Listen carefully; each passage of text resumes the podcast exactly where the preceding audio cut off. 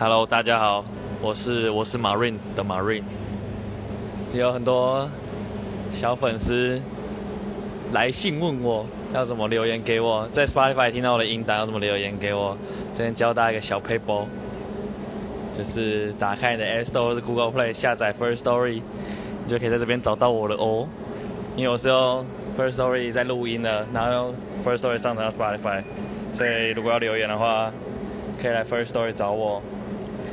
F I R S T O R Y First Story 没错，就这样。你有没有什么话讲讲？没有，觉得很棒。好，大概就是这样子。如果还有各种意见，欢迎来信指教。啵啵。